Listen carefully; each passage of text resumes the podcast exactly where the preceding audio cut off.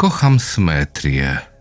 Tak właściwie to nie wiem czemu, ale uwielbiałem ją od dziecka.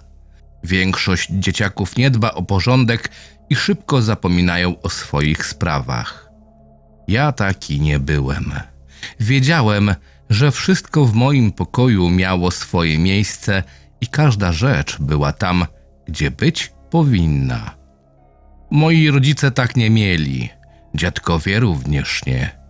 Ani jedna osoba w mojej rodzinie tego nie miała. Zacząłem nazywać to to, bo prawdziwie wierzę, że jest to coś wewnątrz mnie. Taki pasażer na gapę, którego nie powinno tam być, a jednak spokojnie sobie żyje. To jest potrzeba, pragnienie, tęsknota za perfekcją, perfekcją po obu stronach. Teraz, jako dorosły, znajduję się w punkcie mojego życia, kiedy nie mogę żyć normalnie. Nie potrafię utrzymać pracy. Kobiety nie chcą ze mną być, bo nie dają sobie z tym rady. Szczerze, to niewiele mnie obchodzi, że odchodzą. To bałaganiary i tylko utrudniają wszystko. Wtaczają się na moją połowę łóżka, zamiast zostawać na swojej. Zostawiają naczynia po jednej stronie zlewu, ale po drugiej już nie. Nie daje rady już pracować, więc kiedy wychodzą z domu na dłuższy czas, jestem zmuszony zostać w mieszkaniu i wszystko poprawiać. Czuję ulgę, gdy znikają na dobre. To uczucie jednak nigdy nie trwa zbyt długo. W końcu to znów mnie nachodzi i zmusza do znalezienia czegoś innego do poprawienia. Zapytacie pewnie, po co w ogóle pakuję się związki, skoro nie mogę ich znieść? Cóż, ciężko jest mi spać na środku łóżka przez całą noc bez poruszania się. Poza wyżej wymienionymi problemami z kobietami, moje życie jest w zasadzie w najlepszym porządku. Mówię w zasadzie, bo jest jeszcze jedna sprawa, z którą sobie muszę poradzić. Chodzi o różnobarwność tęczówek. Moje prawe oko jest szafirowo-niebieskie, lewe zaś blado-zielone. Oboje rodziców mają niebieskie oczy, rodzeństwo i kuzyni również. Moje zielone oko jest defektem, czyni mnie to nierównym. Za każdym razem, gdy spoglądam na siebie w lustro, to odpowiada mi spojrzeniem.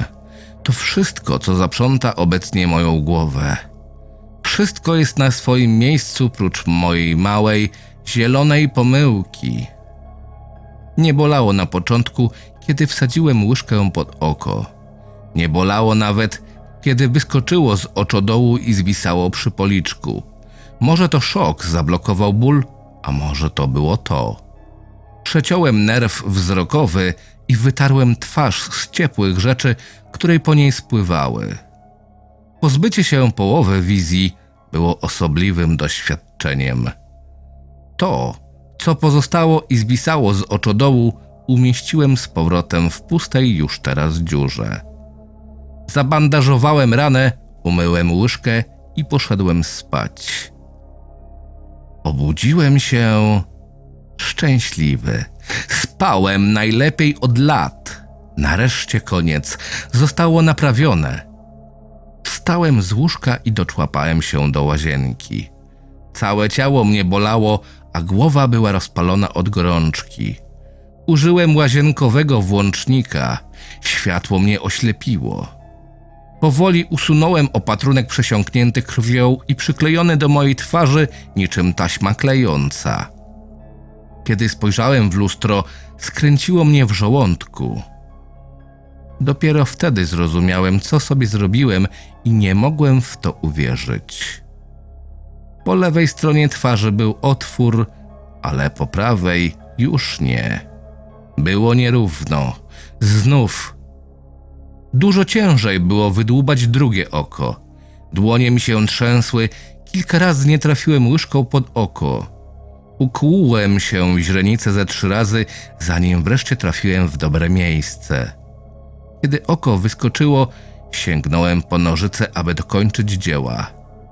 Krew z wczoraj zaschła na ostrzach więc cięcie niezbyt dobrze szło. Pamiętasz, kiedy byłeś w podstawówce, a twój nauczyciel kazał ci ciąć grubą tekturę na zajęciach z techniki? Próbowałeś kiedyś ciąć kilka kawałków naraz, ale nożyczki nie dawały rady? Ostrza się jakby rozsuwały, a papier wchodził między nie? To właśnie stało się z moim okiem. Nerw wzrokowy utknął między dwoma ostrzami. Desperacko i zawzięcie próbowałem go stamtąd wydostać i poślizgnąłem się na krwi. Zacząłem upadać na podłogę. Automatycznie wypuściłem z rąk oko, aby podeprzeć się nimi przy upadku. Ciężar nożyc i ból, jaki spowodowały wisząc na moim oku, były nie do zniesienia. Wiedziałem, że nie wytrzymam na tyle długo, aby dojść do kuchni po nóż. Pociągnąłem. Wyciągnąłem je wprost z mojej głowy. Czułem rozdzierane tkanki wewnątrz czaszki. Czułem, jak się rozrywają i zalewają płynami ustrojowymi wszystko dookoła. Byłem świadomy swojego płaczu, ale łzy mieszały się z krwią i innymi płynami z oka. Kiedy usłyszałem mokre klapnięcie o podłogę, to był koniec. Koniec tego. Od tej chwili mogłem żyć w spokoju, nie musieć oglądać obleśnych, zabałaganionych, nierównych ludzkich istnień. Zalało mnie uczucie ogromnej ulgi i wiedziałem, że tak już zostanie. Nigdy wcześniej się tak nie czułem, nigdy nie miałem tak wiele nadziei. Leżąc w łazience na zimnych, mokrych, lepkich kafelkach, uśmiechnąłem się po raz pierwszy od lat.